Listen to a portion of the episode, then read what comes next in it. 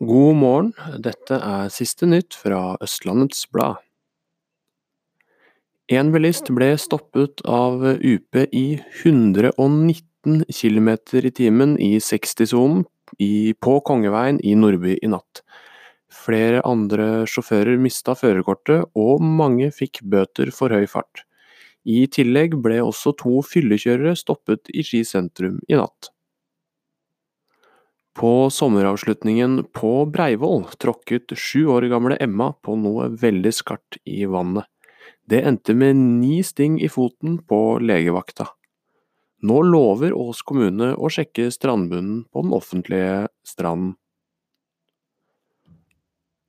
Lettere elektriske varebiler vil nå få et fritak for bompengene på Oslo-grensa.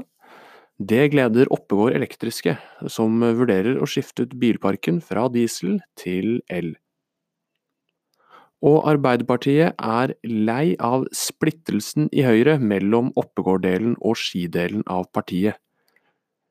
Høyre i Ski varsler økonomisk undergang, mens Thomas Sjøvold bare bagatelliserer situasjonen, mener Hanne Oppdan og Oddbjørn Nesje, som er ordførerkandidat og varaordførerkandidat til valget i høst.